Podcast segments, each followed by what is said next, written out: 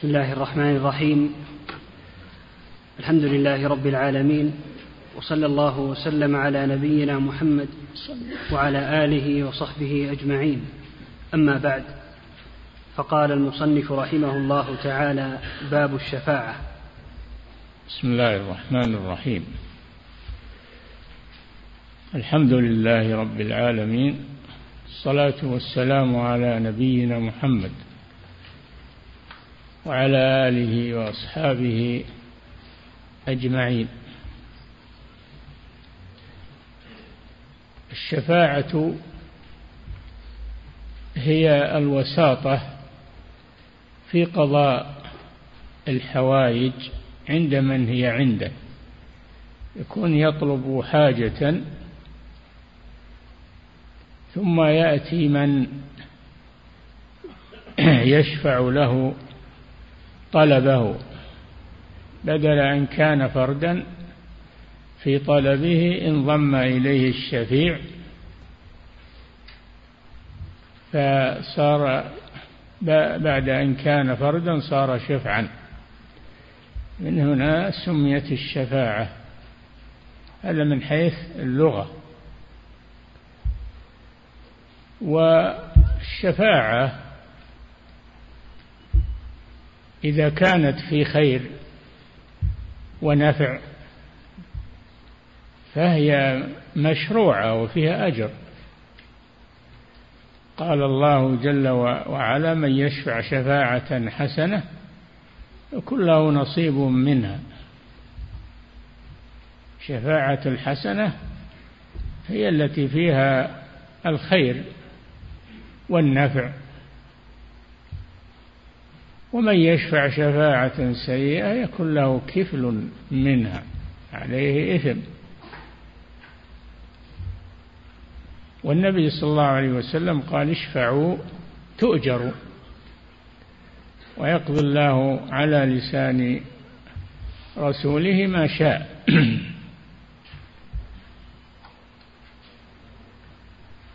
فالشفاعة فيها خير إذا كانت وساطة في الخير والنفع. وأما الشفاعة الشفاعة عند الله سبحانه وتعالى وتكون عند المخلوقين. تكون الشفاعة عند الله سبحانه وتعالى بأن يشفع لمن استحق العذاب من المؤمنين بأن يتوب الله عليه وأن لا يعذبه. وفي هذا يشفع الملائكة الملائكة يشفعون. والأنبياء يشفعون. الصالحون يشفعون. والأفراط الذين ماتوا صغارا يشفعون لآبائهم. هذه شفاعة محمودة وفيها خير. وأما الشفاعة التي يطلب منها الشر يعني يشفع في حد من حدود الله ألا يقام على من ثبت عليه هذه محرمة. منهي عنها. لما أراد أسامة بن زيد رضي الله عنه أن يشفع في امرأة من بني مخزوم. حكم النبي صلى الله عليه وسلم بقطع يدها لأنها كانت تستعير المتاع وتجحده. غضب عليه صلى الله عليه وسلم مع أنه يحبه ويحب أباه. غضب عليه وقال أتشفع في حد من حدود الله؟ ويم الله لو أن فاطمة بنت محمد سرقت لقطعت يدها. فالحدود لا تجوز الشفاعة فيها وفي الحديث لعن الله من آوى محدثا يعني حال بينه وبين إقامة العقوبة عليه. لعنه الله طرده وأبعده من رحمته. فلا تجوز الشفاعة في الحدود وإنما الشفاعة في الأمور التي ليس فيها حدود. التعزيرات أو في الأشياء أو في الحقوق الناس بعضهم مع بعض اشفعوا تؤجروا. من يشفع شفاعة حسنة يكون له نصيب منها. من يشفع شفاعة سيئة يكون له كفل منها. يكون عليه إثم عظيم. الشفاعة التي تعطل الحدود ويحصل بها ظلم لمنع الحق ممن وجب له الحق. هذه شفاعة محرمة فيها إثم عظيم. هذه الشفاعة عند المخلوقين. أما الشفاعة عند الله جل وعلا فلا بد لها من شرطين. الشرط الأول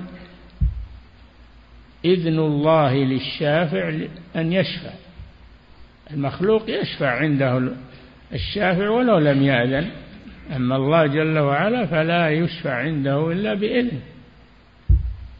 من ذا الذي يشفع عنده إلا بإذنه. فلا يشفع عند الله إلا بإذنه. هذا شرط. الشرط الثاني أن يكون المشفوع فيه ممن يرضى الله قوله وعمله من أهل الإيمان. وأما الكافر فلا تجوز الشفاعة فيه يوم القيامة. قال جل وعلا فما تنفعهم شفاعة الشافعين.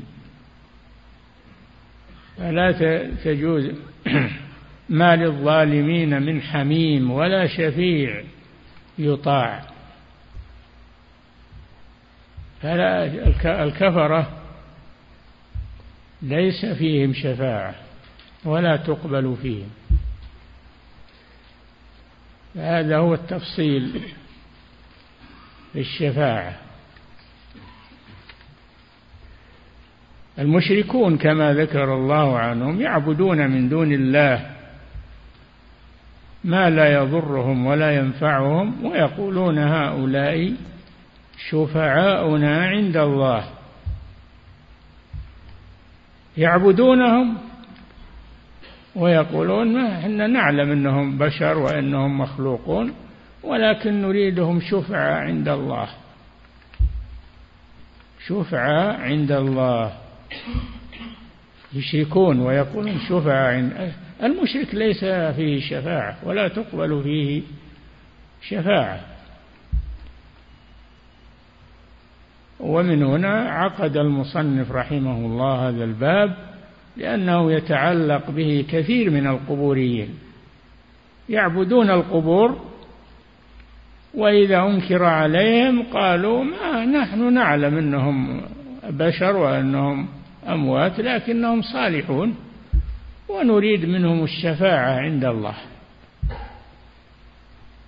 الله لم يأذن لكم بهذا.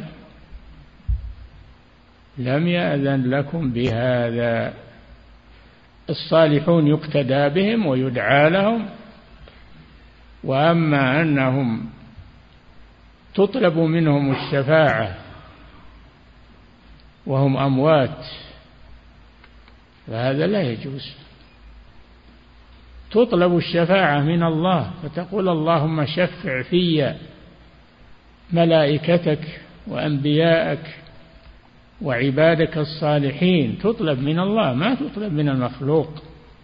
لا حيا ولا ميتا عند الله سبحانه وتعالى. نعم. فهذا الباب باب عظيم وظل به كثير من الخلق. بسبب أنهم يعبدون الأولياء والصالحين ويقولون شفعاؤنا عند الله. نعم. قال المصنف رحمه الله تعالى باب الشفاعة أي بيان ما أثبته القرآن بيان ما أثبته القرآن منها وما نفاه. الشفاعة كما قال الشيخ شفاعتان شفاعة منفية وشفاعة مثبتة. الشفاعة المنفية هي التي تطلب من غير الله فيما لا يقدر عليه إلا الله سبحانه وتعالى. هذه منفية.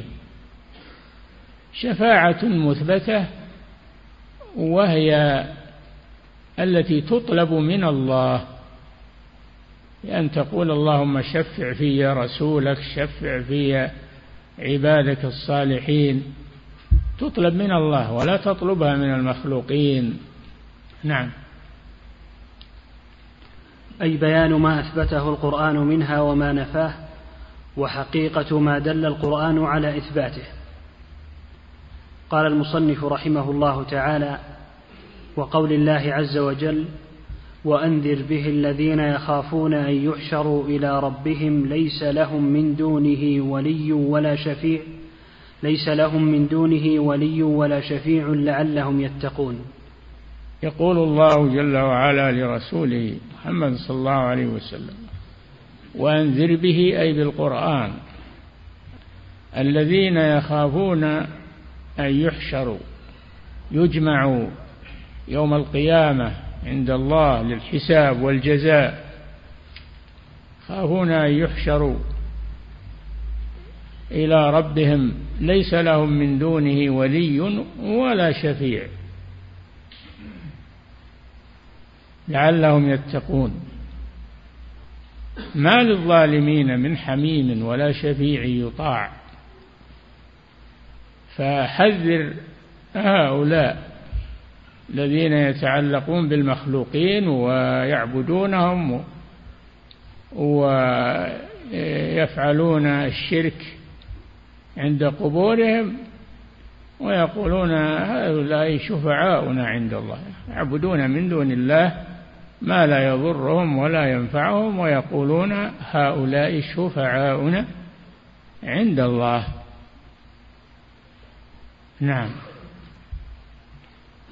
الإنذار هو الإعلام بأسباب المخافة والت... أنذر به أي بالقرآن. الإنذار معناه الإعلام عن أمر فيه مخافة وهو مقبل. نعم. الإنذار هو الإعلام بأسباب المخافة والتحذير منها. نعم. قوله به قال ابن عباس بالقرآن. به أي بالقرآن. أنذر به أي بالقرآن. بلغ القرآن. للناس. ليكون حجة لهم لا عليهم.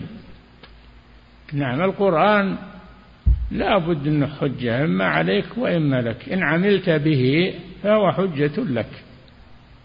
وإن لم تعمل به فهو حجة عليك. عند الله سبحانه.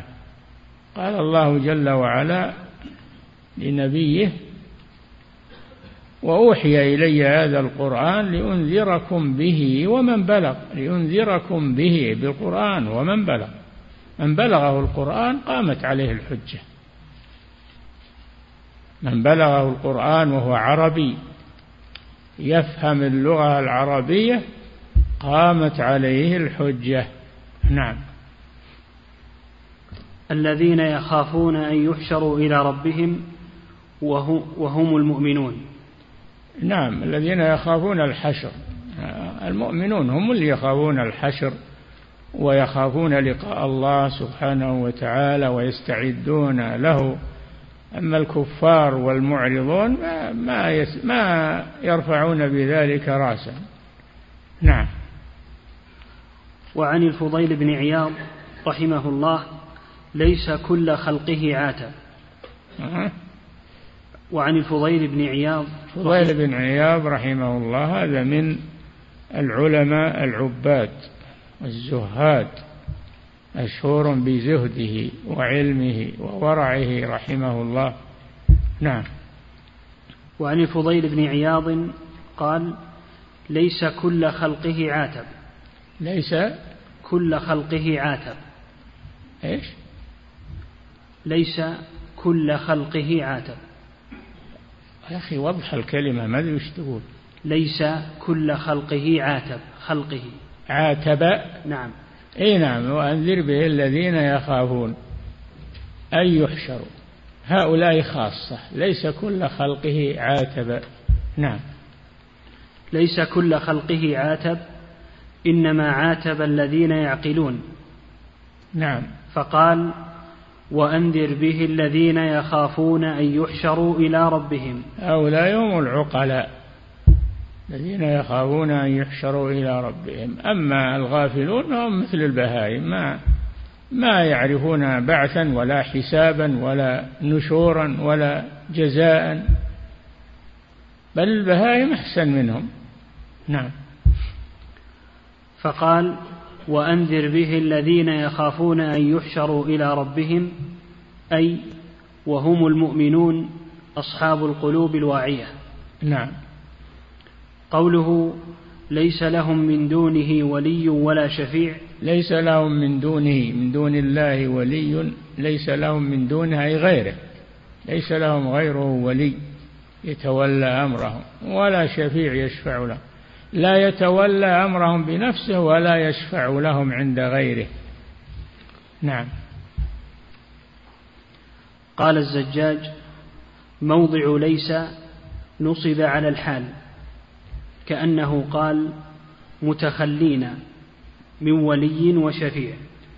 الزجاج من أئمة اللغة وليس محل الحال أي يحشرون إلى ربهم متخلين عن كل شيء من الأمور إلا مما قدموا من أعمالهم. نعم. كأنه قال متخلين من ولي وشفيع. نعم. والعامل فيها يخافون. نعم. يخافون أن يحشروا. قوله فقوله أن يحشروا محل نصب. والعامل فيه يخافون. نعم. قوله لعلهم يتقون أي فيعملون في هذه الدار عملا ينجيهم الله به من عذاب يوم القيامة. لعل هؤلاء إذا أنذرتهم يتقون الله يتنبهون. ما داموا على قيد الحياة وعندهم الإمكانية. يتقون عذاب الله إذا سمعوا القرآن سمعوا الإنذار. نعم سمعوا البعث والنشور والحساب. وأما من يمر عليه القرآن ولا يتأمل فيه وإنما يتخذ القرآن لأجل تحسين القراءة فقط ومخارج الحروف ويعتنون مخارج الحروف والادغام والغنة وما أشبه ذلك لكن ما يعتنون بمعاني القرآن ومقاصد القرآن. هذه مشكلة. نعم. قال المصنف رحمه الله تعالى وقوله قل لله الشفاعة جميعا. قل لله الشفاعة جميعا. الشفاعة ملك لله ما تطلب من غيره. ما تطلب من غير الله. نعم. قال المصنف رحمه الله تعالى وقوله قل لله الشفاعة جميعا. فهذا به الرد على من يطلبون الشفاعة من الأولياء والصالحين. الواجب أن تطلبها من الله. تقول اللهم شفع في رسولك وعبادك الصالحين. نعم. وقبلها أم اتخذوا من دون الله شفعاء؟ قل أولو كانوا لا يملكون شيئا ولا يعقلون؟ أم اتخذوا أي المشركون اتخذوا من دونه غير الله شفعاء؟ لأنهم يعبدون ما يعبدون من من غير الله ويقولون هؤلاء ويعبدون من دون الله يعبدون من دون الله ما لا يضرهم ولا ينفعهم ويقولون هؤلاء شفعاؤنا عند الله.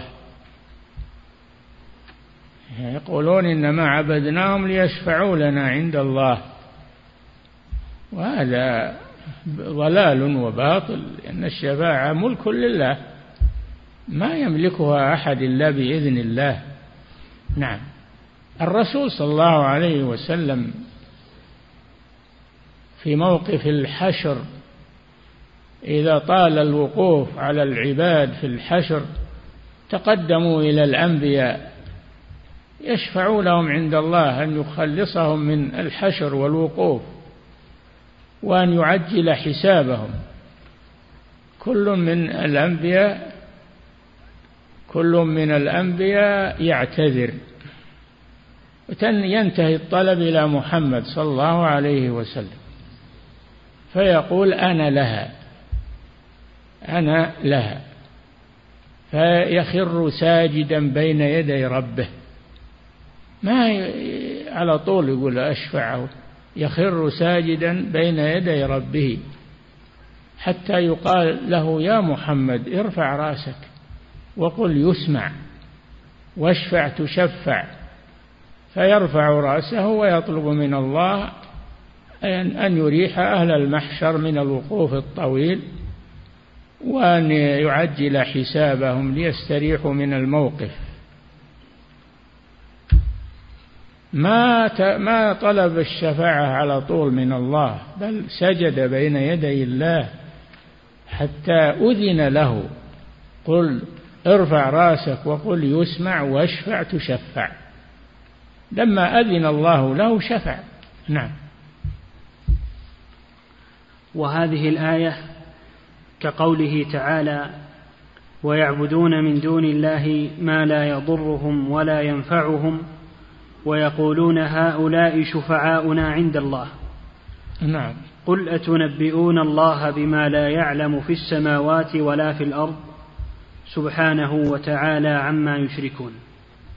الله ليس بحاجة إلى الشفع يعلم سبحانه.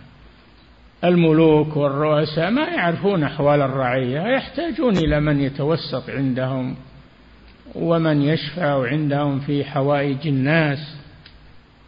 أما الله فإنه يعلم كل شيء ولا يخفى عليه شيء. وإنما الشفاعة تشريف تشريف للشافع ورحمة بالمشفوع. ما هو معناه أنك تخبر الله عن أحوال عباده؟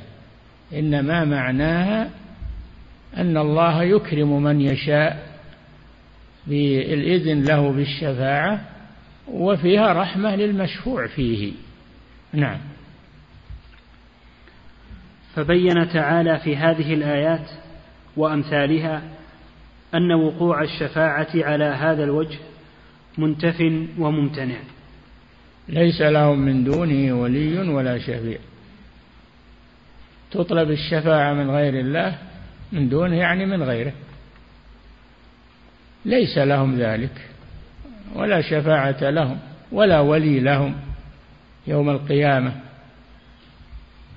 خافون أن يحشروا إلى ربهم. ليس لهم في ذاك الموقف موقف الحشر من دونه ولي ولا شفيع. لعلهم يتقون هذا الموقف ويستعدون له. نعم. فبين تعالى في هذه الآيات وأمثالها أن وقوع الشفاعة على هذا الوجه منتف وممتنع. وأن اتخاذهم شفعاء شرك. يتنزه الرب تعالى عنه. نعم. يعبدونهم ويقولون شفعاؤنا عند الله. ولتنبئون الله بما لا يعلم في السماوات ولا في الأرض. ثم نزه نفسه. قال سبحانه وتعالى عما يشركون. نعم. وأن اتخاذهم شفعاء شرك يتنزه الرب تعالى عنه. عما يشركون؟ قال عما يشركون. دل على أن طلب الشفاعة من المخلوق فيما لا يقدر عليه إلا الله أنها شرك. نعم.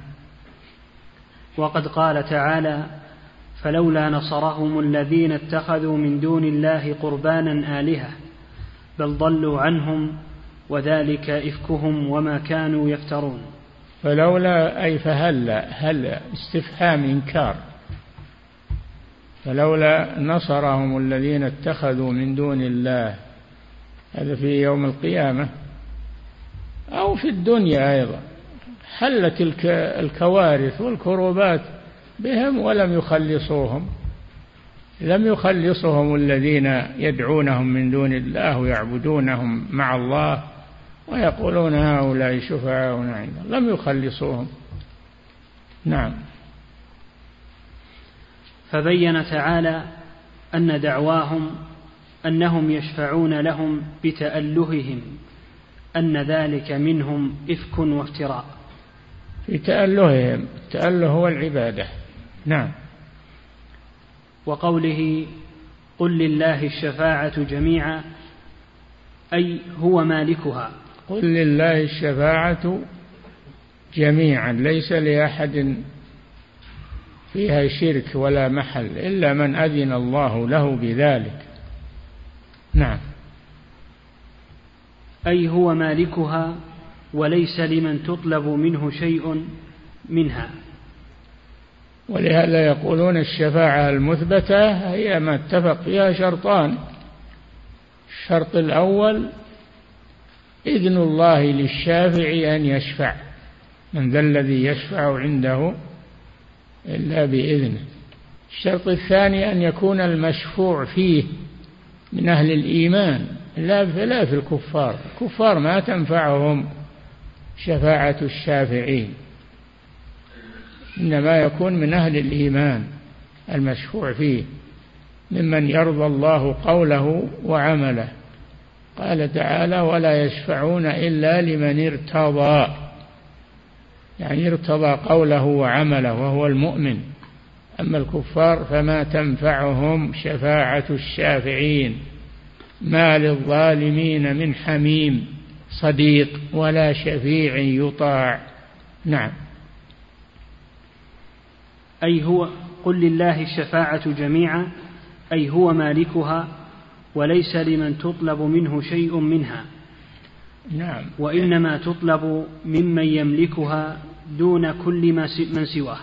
نعم. لأن ذلك عبادة. وتأله لا يصلح إلا لله. طلب الشفاعة عبادة لأن الشفاعة ملك لله ولا تطلب إلا منه. فمن طلبها من غيره فقد أشرك بالله عز وجل. نعم. قال البيضاوي لعله رد لما عسى أن يجيبوا به. البيضاوي صاحب تفسير مختصر مشهور بتفسير البيضاوي. وهو تفسير نفيس وقيم وإن كان فيه شيء من التأويل. نعم.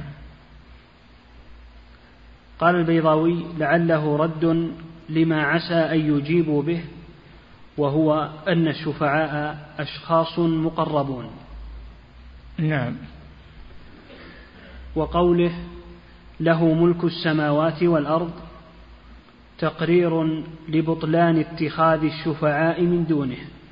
لأن الملك كله لله ليس لأحد فيه استحقاق إلا من ملكه الله وأعطاه.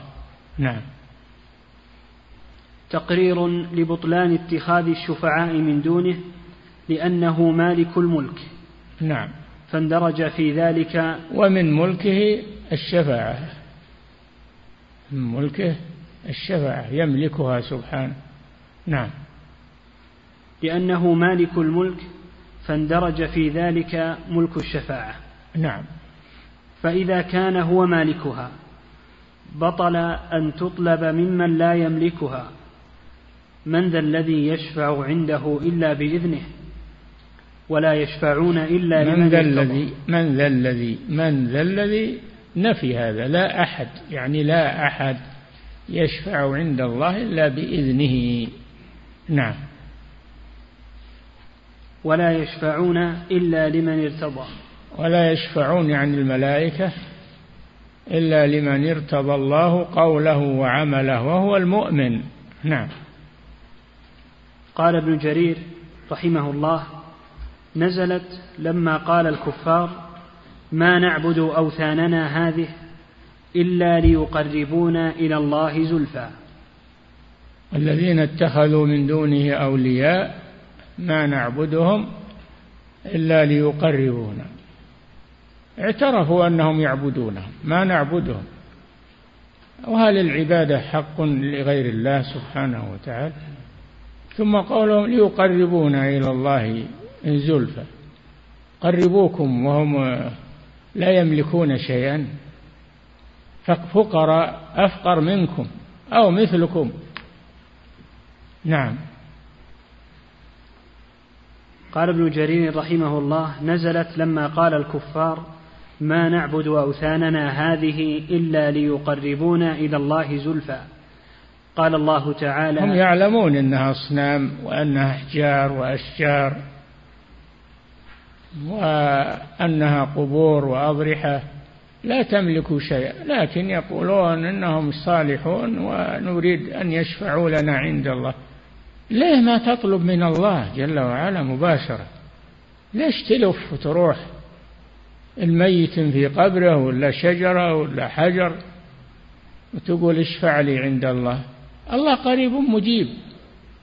يبسط يده بالليل ليتوب مسيء النهار ويبسط يده بالنهار ليتوب مسيء الليل. وينزل إلى سماء الدنيا كل ليلة سبحانه وتعالى. ويقول من ذا الذي يسألني فأعطيه؟ من ذا الذي يدعوني فأستجيب له؟ كل ليلة حين يبقى ثلث الليل الآخر. فكيف تعدل عن الله وتذهب إلى أموات أو أحياء ضعفاء؟ تطلب منهم الشفاعة عند الله. ليه ما تطلب من الله مباشرة؟ الذي فتح لك الباب. نعم. قال الله تعالى له ملك السماوات والأرض ثم إليه ترجعون. له ملك السماوات والأرض. كل ملك كل ما في السماوات ملك. ومنه الشفاعة. نعم.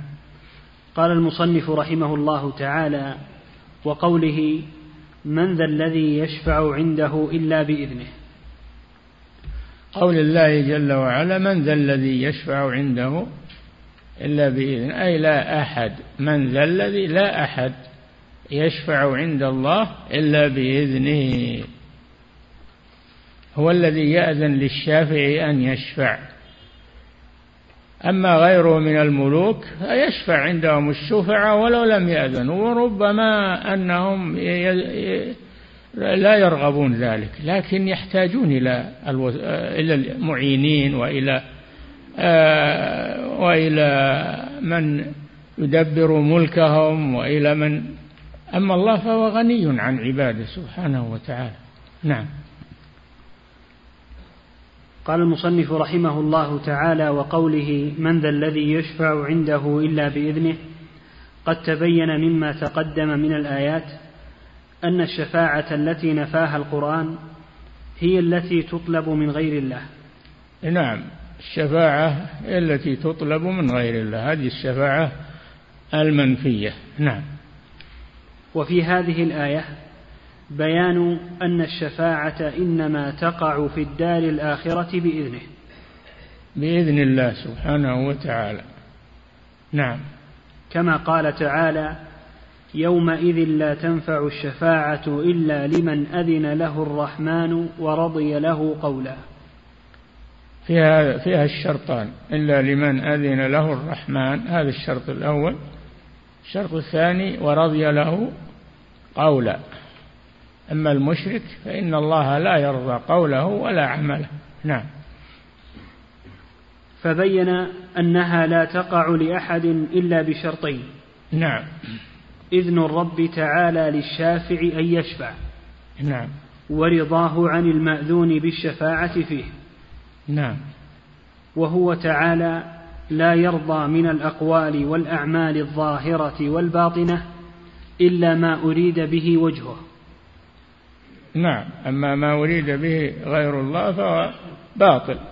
الأعمال التي يراد بها غير وجه الله باطلة لا قيمة لها هباء منثور ولا يبقى إلا ما أريد به وجه الله سبحانه وتعالى من أعمال العباد. نعم. وهو تعالى لا يرضى من الأقوال والأعمال الظاهرة والباطنة إلا ما أريد به وجهه ولقي العبد به ربه مخلصا غير شاك في ذلك. نعم. كما دل على ذلك الحديث الصحيح. نعم. وسيأتي ذلك مقررا في كلام شيخ الإسلام رحمه الله تعالى. نعم.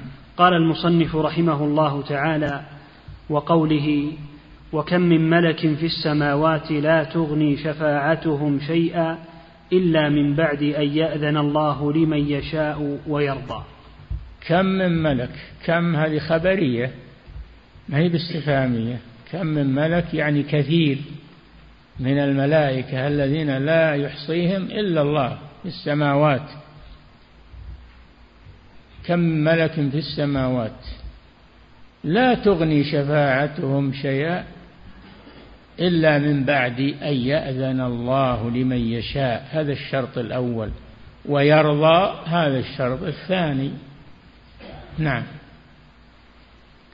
قال ابن كثير رحمه الله وكم من ملك في السماوات لا تغني شفاعتهم شيئا إلا من بعد أن يأذن الله لمن يشاء ويرضى. كقوله من ذا الذي يشفع عنده إلا بإذنه. نعم. ولا تنفع الشفاعة عنده إلا لمن أذن له. والأدلة على هذا كثيرة. نعم.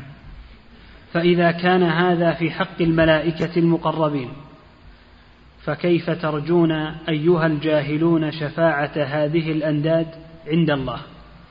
اي نعم. إذا كان الملائكة لا يشفعون عند الله إلا بإذنه ولا يشفعون إلا لمن يرضى الله قوله وعمله. فكيف ترجون الشفاعة من الأصنام والأشجار والأحجار والناس وحتى الملائكة والصالحون؟ ما هم لا يملكونها إنما الذي يملكها هو الله وهو الذي يأذن بها. نعم. فإذا كان هذا في حق الملائكة المقربين فكيف ترجون أيها الجاهلون شفاعة هذه الأنداد عند الله وهو لم يشرع عبادتها ولا أذن فيها؟ نعم.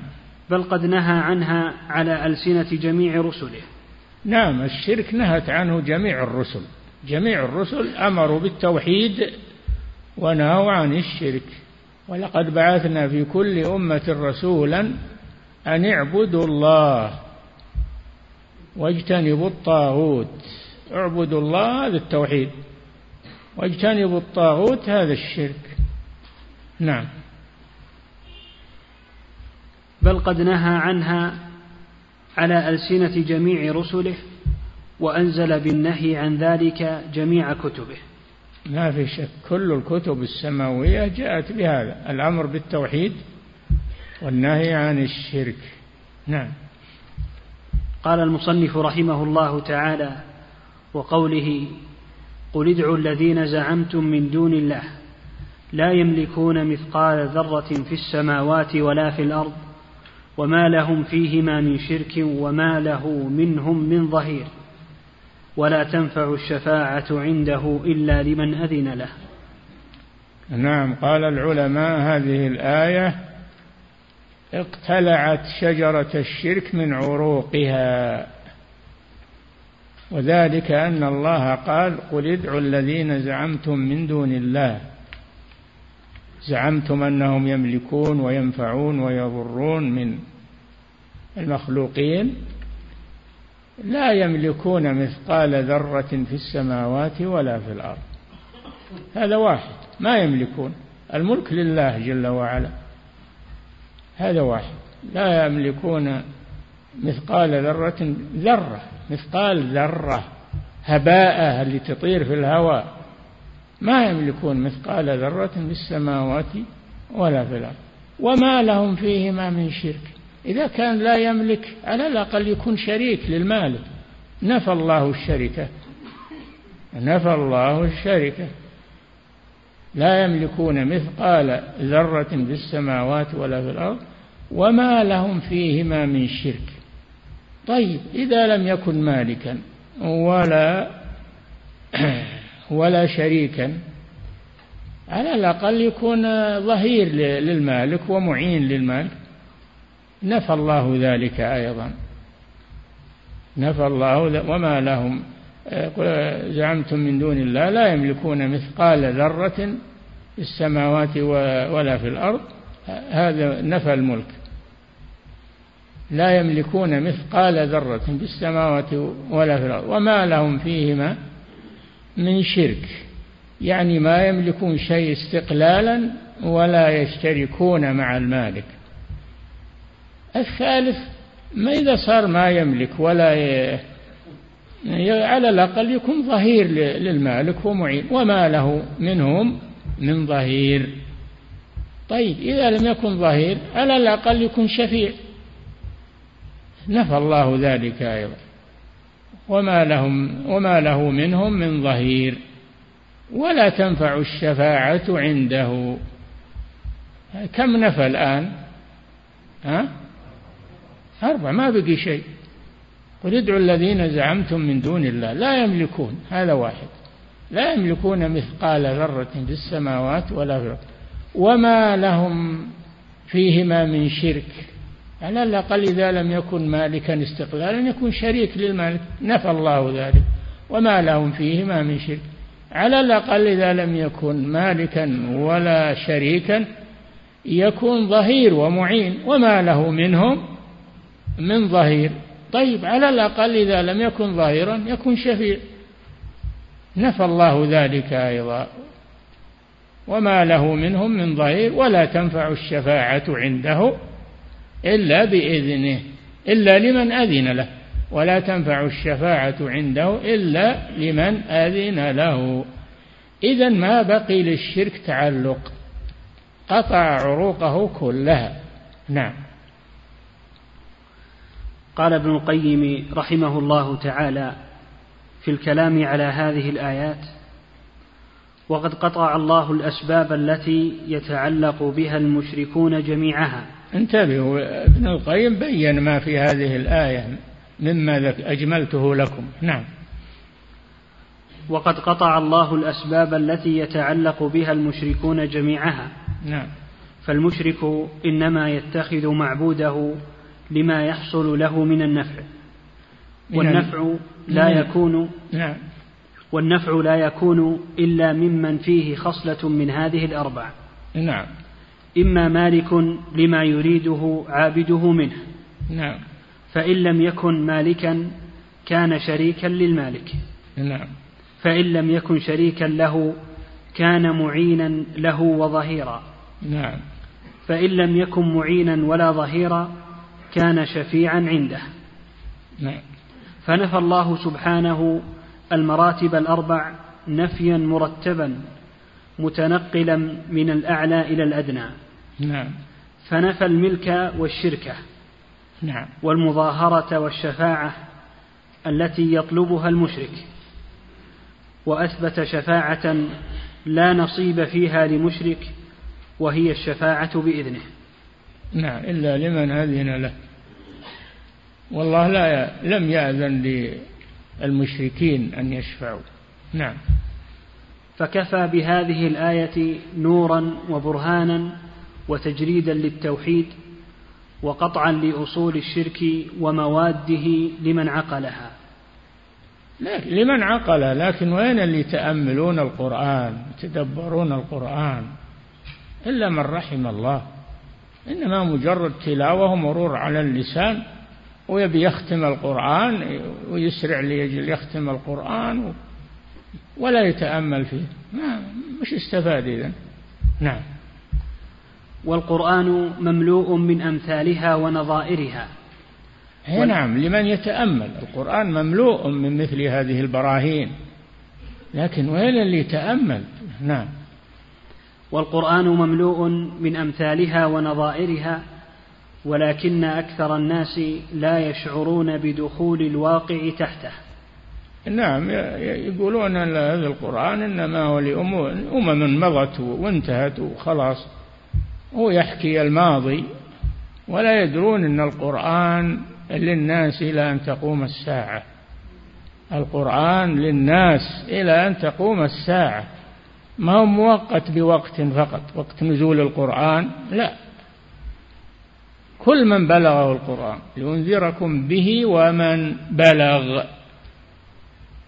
من بلغه القرآن قامت عليه الحجة إذا كان يفهم لغة القرآن. نعم. والقرآن مملوء من أمثالها ونظائرها ولكن أكثر الناس لا يشعرون بدخول الواقع تحته وتضمنه له. نعم. ويظنونه في نوع وقوم قد خلوا من قبل. قوم مضوا. نعم. ولم يعقبوا وارثا. ولم يعقبوا هؤلاء القوم الذين مضوا وهلكوا أنهم ما أعقبوا وارثا. أعقبوا ورثة كثيرين على أثرهم وعلى منهجهم.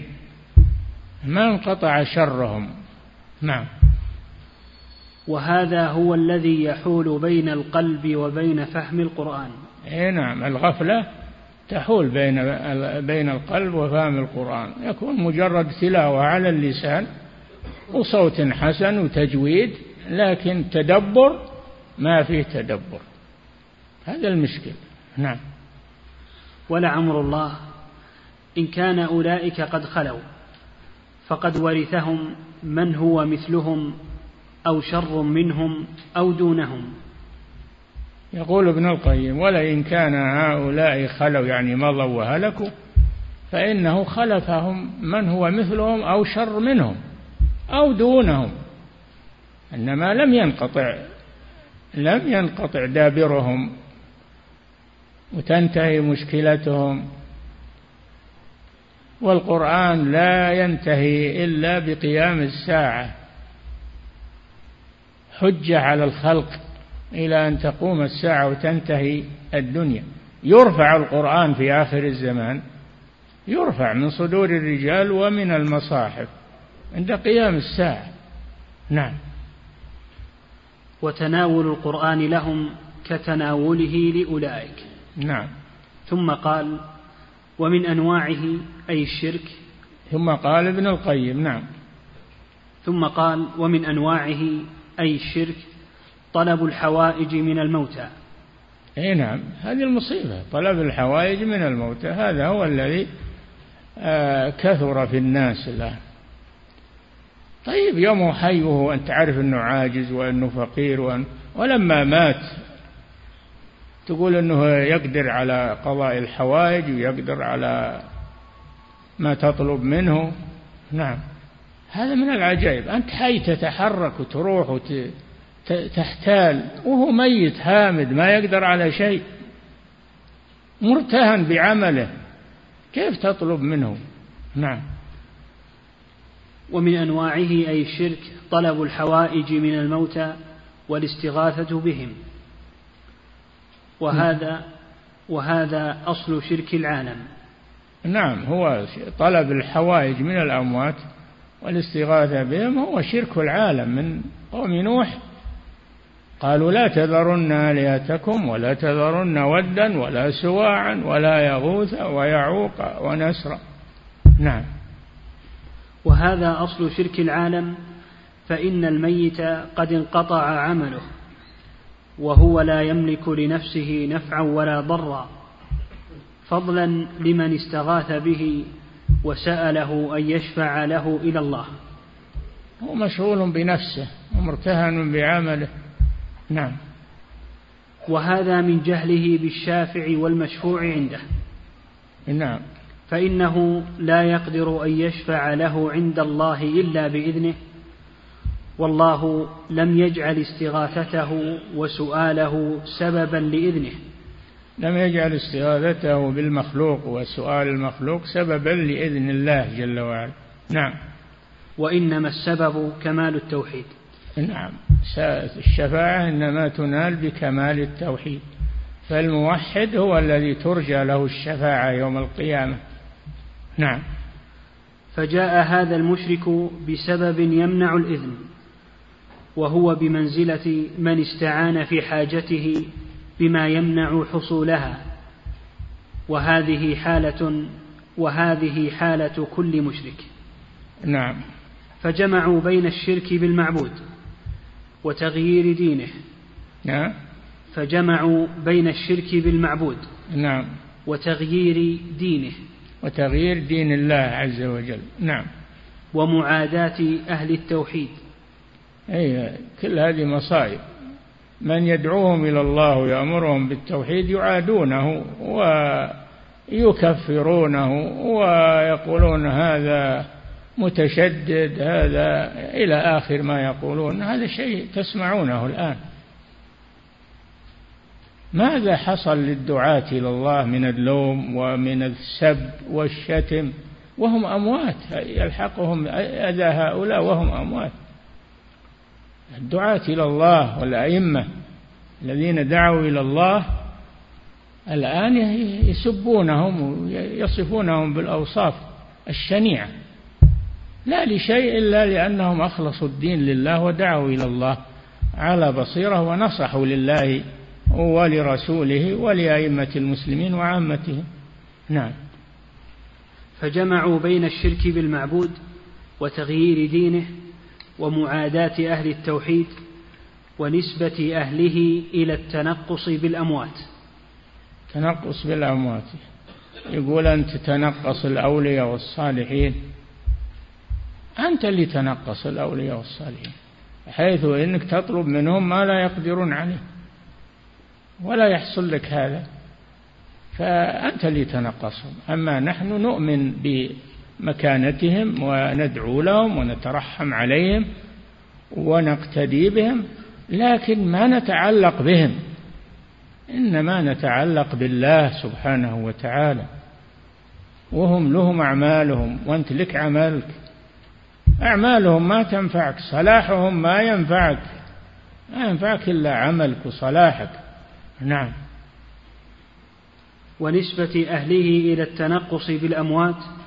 وهم قد تنقصوا الخالق بالشرك. أي نعم. هم يقولون أنتم تنكرون دعاء الأموات والاستغاثة بهم وهذا تنقص للأموات. نقول لهم وأنتم تنقصتم بالله تنقصتم الله عز وجل حيث أشركتم به. فأي التنقصين أعظم؟ تنقص المخلوق بزعمكم ولا تنقص الخالق؟ نعم. وهم قد تنقصوا الخالق بالشرك وأولياءه الموحدين بذمهم وعيبهم ومعاداتهم. نعم الموحدين الذين يدعون إلى التوحيد كم تسمعون من سبهم وذمهم عند هؤلاء؟ في الكتب وفي المحاضرات وفي الإذاعات وفي المجالس. نعم. وتنقصوا من أشركوا به غاية التنقص. إذ ظنوا أنهم راضون منهم بهذا وأنهم أمروهم به نقول, نقول لهم أنتم اللي تنقصتم الأولياء والصالحين حيث إنكم تطلبون منهم ما لا يقدرون عليه ولا يرضون به أيضا ما يرضون أن أحد يدعوهم ويستغيث بهم ما يرضون بهذا أنتم اللي تنقصتموهم. نعم. وتنقصوا من أشركوا به غاية التنقص إذ ظنوا أنهم راضون منهم بهذا وأنهم أمروهم به وأنهم يوالونهم عليه. نعم. وهؤلاء هم أعداء الرسل في كل زمان ومكان وما أكثر المستجيبين لهم. نسأل الله العافية. نعم. وما نجا من شرك هذا الشرك الأكبر. إلا من جرد توحيده لله. نعم. وعاد المشركين في الله. نعم. وتقرب بمقتهم إلى الله. واتخذ الله وحده وليه وإلهه ومعبوده. نعم. ما نجا إلا هذا. نعم. فجرد حبه لله. وخوفه لله. ورجاءه لله. وذله لله. وتوكله على الله. واستعانته بالله والتجاءه إلى الله واستغاثته بالله وقصده لله متبعا لأمره متطلبا لمرضاته. إذا سأل سأل الله وإذا استعان استعان بالله وإذا عمل عمل لله فهو لله وبالله ومع الله. نعم هذا الموحد. نعم. انتهى كلامه رحمه الله. كلام جيد وجميل. نعم ومفيد. نعم. وهذا الذي ذكره هذا الإمام. يكفي نقف عنده.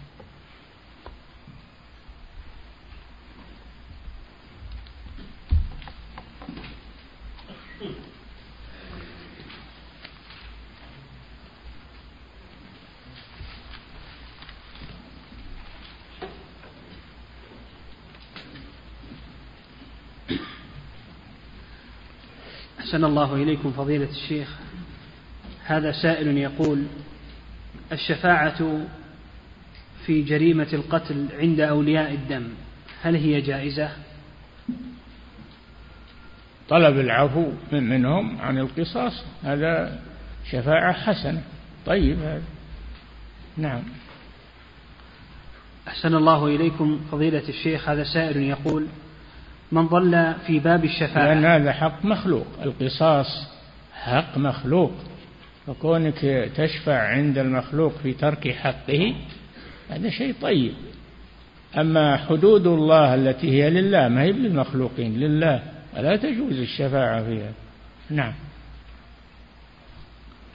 أحسن الله إليكم فضيلة الشيخ. هذا سائل يقول من ضل في باب الشفاعة وعبد الصالحين لشبهة عرضت عرضت له. من ضل في باب الشفاعة. نعم. وعبد الصالحين لشبهة عرضت له. نعم. هل نصلي عليه؟ إذا أنه مصر على هذا وبلغ ونهي عن ذلك وأصر لا يصلى عليه. أما إذا إذا أنه ما بين له ولا فإنه يصلى عليه. لأنه ما بلغ ببطلان ما هو عليه. نعم. وهو ينتسب إلى الإسلام ويشهد أن لا إله إلا الله أن محمد رسول الله لكن وقع فيما وقع فيه بسبب الجهل الذي لم يبين له. نعم. أحسن الله إليكم فضيلة الشيخ. هذا سائل يقول هل وقع خلاف بين أهل السنة في الحكم على من يشرك بالله شركا أكبر وهو جاهل؟ من قال هذا؟ من قال هذا إن, إن المشرك اللي يشرك بالله معذور. إذا كان ما بلغه شيء ما بلغه قرآن ولا بلغته سنة ولا بلغته دعوة دعوة الرسول صلى الله عليه وسلم فهذا يعتبر من أصحاب الفترة. أمره إلى الله. ما نقول إنه معذور نقول هذا أمره إلى الله من أصحاب الفترة. الذين لم يبلغهم شيء. يوم القيامة الله يتولاهم. نعم أما إنسان بلغته الدعوة وبلغته الدعوة الآن تخترق الآفاق بواسطة وسائل الإعلام التي تبلغ المشارق والمغارب. الأذان الآن يتردد في أصداء العالم. أشهد أن لا إله إلا الله. أشهد أن محمد رسول الله. وش معنى هذا؟ معنى هذا واضح. بلغ العالم وبلغ المشارق والمغارب خمس مرات في اليوم. نعم. ومع هذا وسائل الإعلام تنشر تنشر كلمات التوحيد وتنشر الدعوة إلى الله وتنشر الدروس وتنشر هذه حكمة من الله لئلا يقول يوم الناس يوم القيامة ما بلغنا شيء ما درينا. نعم. أن تقولوا ما جاءنا من بشير ولا نذير. نعم. أحسن الله إليكم فضيلة الشيخ هذا سائل يقول ما هو الرد على استدلال بعض القبوريين الذين يستدلون بقول الله تعالى ولا تحسبن الذين قتلوا في سبيل الله أموات بل أحياء. كمل كمل. الأحياء إيش؟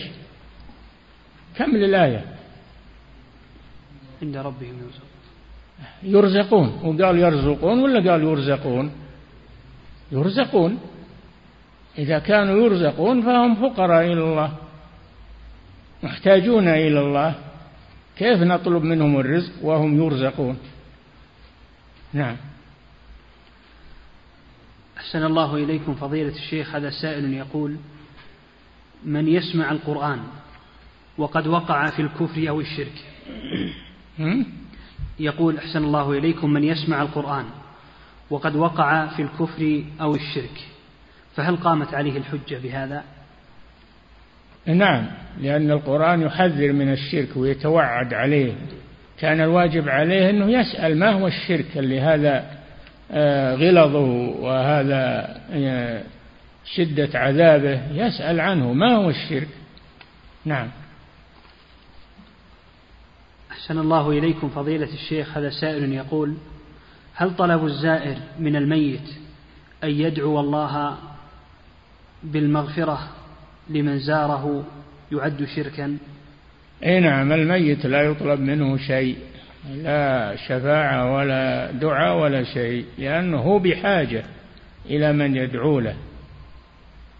هو بحاجة إلى من يدعو له. وليس هو اللي يدعو للزائرين. هو ما يملك شيء ولا يستطيع. نعم. أحسن الله إليكم فضيلة الشيخ. هذا سائل يقول ما توجيه شفاعة نوح عليه السلام لابنه الكافر؟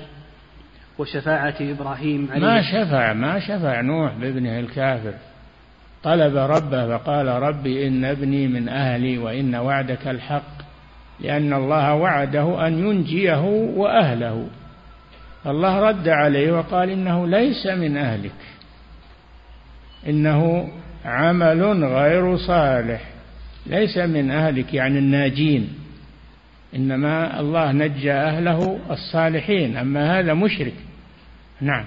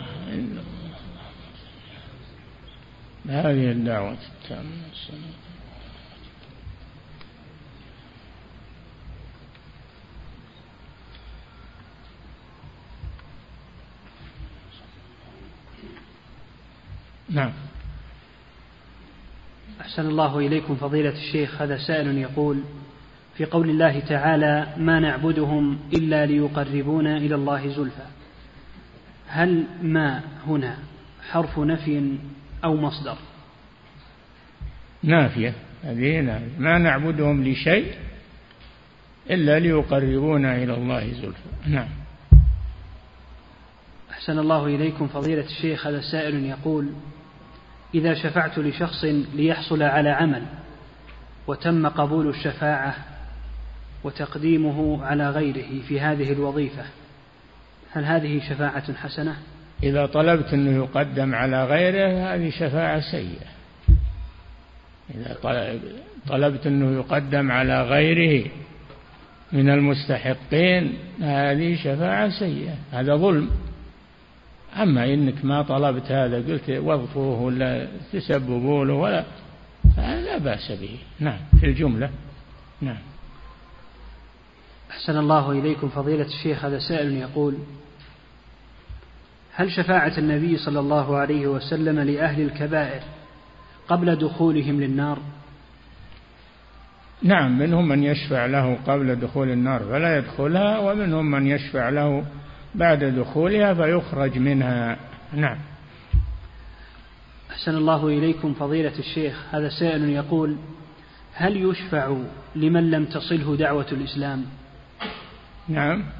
يقول هل يشفع لمن لم تصله دعوة الإسلام؟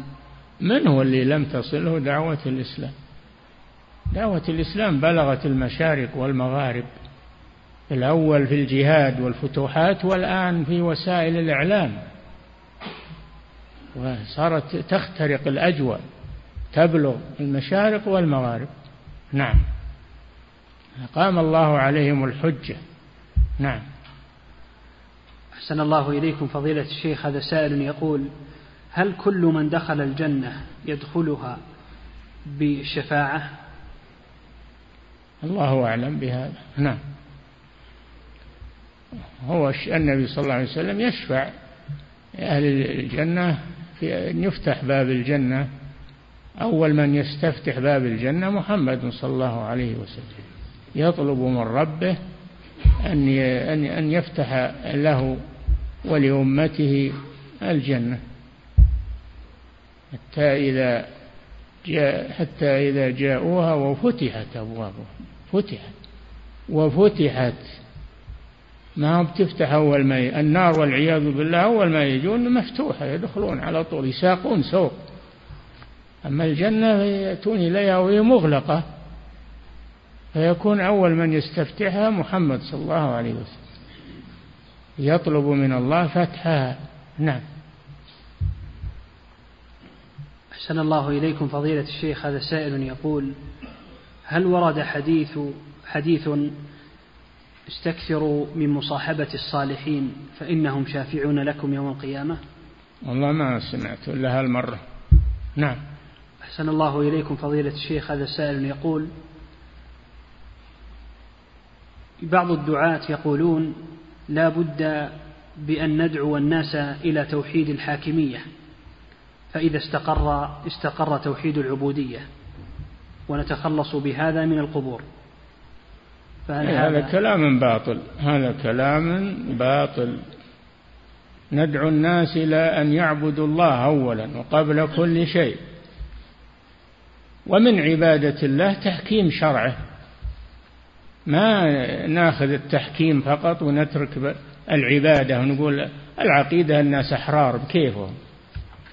يقولون كذا أو بعضهم يقولون كذا الناس أحرار في العقيدة.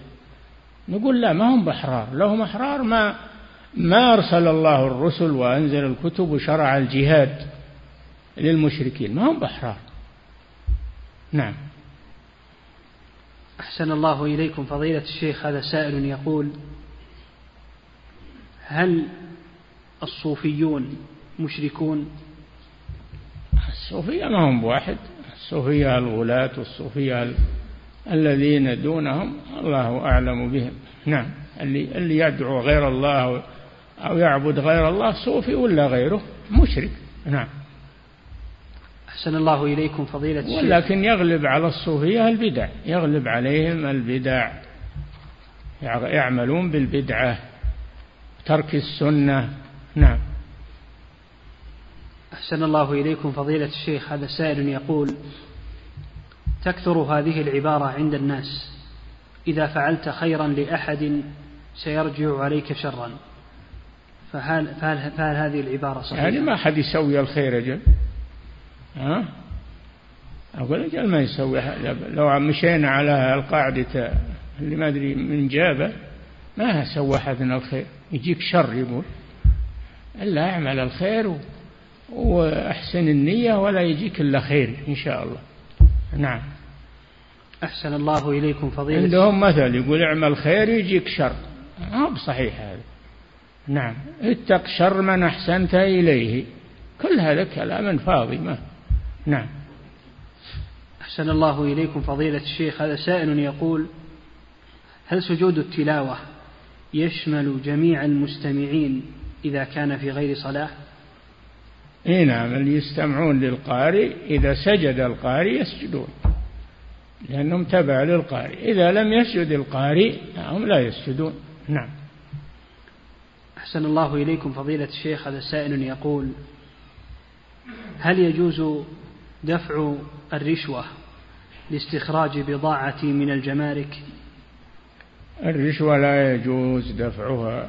لعن الله الراشية والمرتشية والرائش. فلا يجوز دفع الرشوة. استخلص حقك بالطرق المشروعة. نعم. أحسن الله إليكم فضيلة الشيخ هذا سائل يقول ما حكم النكاح, ما حكم النكاح بنية الطلاق؟ وش الداعي للنكاح بنية الطلاق؟ تزوج هذه هذا يشبه المتعة هذا يشبه المتعة. تزوج بنية الاستدامة فإن صلحت لك تستمر معها وإن لم تصلح طلقها. نعم. أحسن الله إليكم فضيلة الشيخ هذا سائل يقول ما حكم قطع الصلاة بلا عذر؟ ما حكم قطع الصلاة بلا عذر؟ الصلاة لا تقطع ما يجوز قطعها ما يجوز قطعها وإنما يصلي على حسب حاله يكملها على حسب حاله لكن لا يقطعها. نعم. أحسن الله إليكم فضيلة الشيخ هذا سائل يقول عندنا في إفريقية بعض المساجد يعلقون فيها صورا لأشخاص وبعضها يبنونها على القبور. هل يجوز الصلاة في مثل هذه المساجد؟ لا المساجد اللي فيها صور لا تصلي فيها. لا يجوز هذا. بل لا تصلي إلى الصورة ولو في غير المسجد ما تستقبلها. نعم. أحسن الله إليكم فضيلة الشيخ هذا سائل يقول هل تغيير المكان بين صلاة الفريضة والنافلة مستحب؟ والله يراه بعض العلماء ولكن الصحيح أنه ما هو بلازم. أنه ما هو بلازم تغيير المكان. نعم. أحسن الله إليكم فضيلة يعني ما عليه دليل ما عليه دليل وسمعت أكثر من مرة من شيخنا الشيخ عبد العزيز بن باز يقول لا أصل لهذا. نعم. أحسن الله إليكم فضيلة الشيخ هذا سائل يقول صليت ركعتين وسهوت فيها وسجدت للسهو. أه؟ يقول صليت ركعتين وسهوت فيها وسجدت للسهو ولكني بعد السجدتين قرأت التحيات والصلاة الإبراهيمية نسيانا. فماذا أفعل؟ ما يضر ما دام نسيان ما يضر. نعم. أحسن الله إليكم فضيلة الشيخ هذا سائل يقول شخصان في السعودية أقرض أحدهما الآخر ولما طالب المقرض المقترض بماله حوله حول المقترض لبلد المقرض بجزء من ماله بعملة بلده المحلية. فما حكم هذا؟ هذا صرف. هذا يعتبر صرف. يعني عملة بعملة. كان المفروض أنه اشترى العملة التي يبي يرسلها لبلد الآخر اشتراها من هنا وحولها. أما أنه يؤخر القبض هذا يخشى أنه من الربا لأنه النبي صلى الله عليه وسلم يقول لا يتفرقان بينهما شيء. نعم. أحسن الله إليكم فضيلة الشيخ هذا سائل يقول ما الواجب؟ أحسن الله إليكم يقول هل المني طاهر إذا جاء على الملابس؟ نعم. طاهر. المني الرجل طاهر. ومني ما يؤكل لحمه من الحيوانات طاهر. نعم. أحسن الله إليكم فضيلة الشيخ هذا سائل يقول أنا مدير إحدى المدارس الأجنبية في الرياض وأنا على منهج السلف الصالح ولله الحمد وأرى أنه يجب علي القيام بالنصح للطلاب وبيان التوحيد لهم بالتدرج حتى لا أسبب المشاكل. فهل هذا يخالف منهج أهل السنة في الدعوة؟ أنت مدرس درس المنهج والمقررات اللي عندك درسها. فيها التوحيد وفيها الفقه فيها التفسير وفيها درس المقررات. نعم. أحسن الله إليكم فضيلة الشيخ هذا سائل يقول العجب داء عضال وخاصة في يقول العجب داء عضال وخاصة في طلب العلم فما دواؤه؟ أبد اطلبوا العلم واتركوا الوساوس. اترك الوساوس. أنا أخاف الرياء أنا أخاف كذا وكذا. أبد اطلب العلم ويسر الله أمرك إن شاء الله. نعم. انتهى.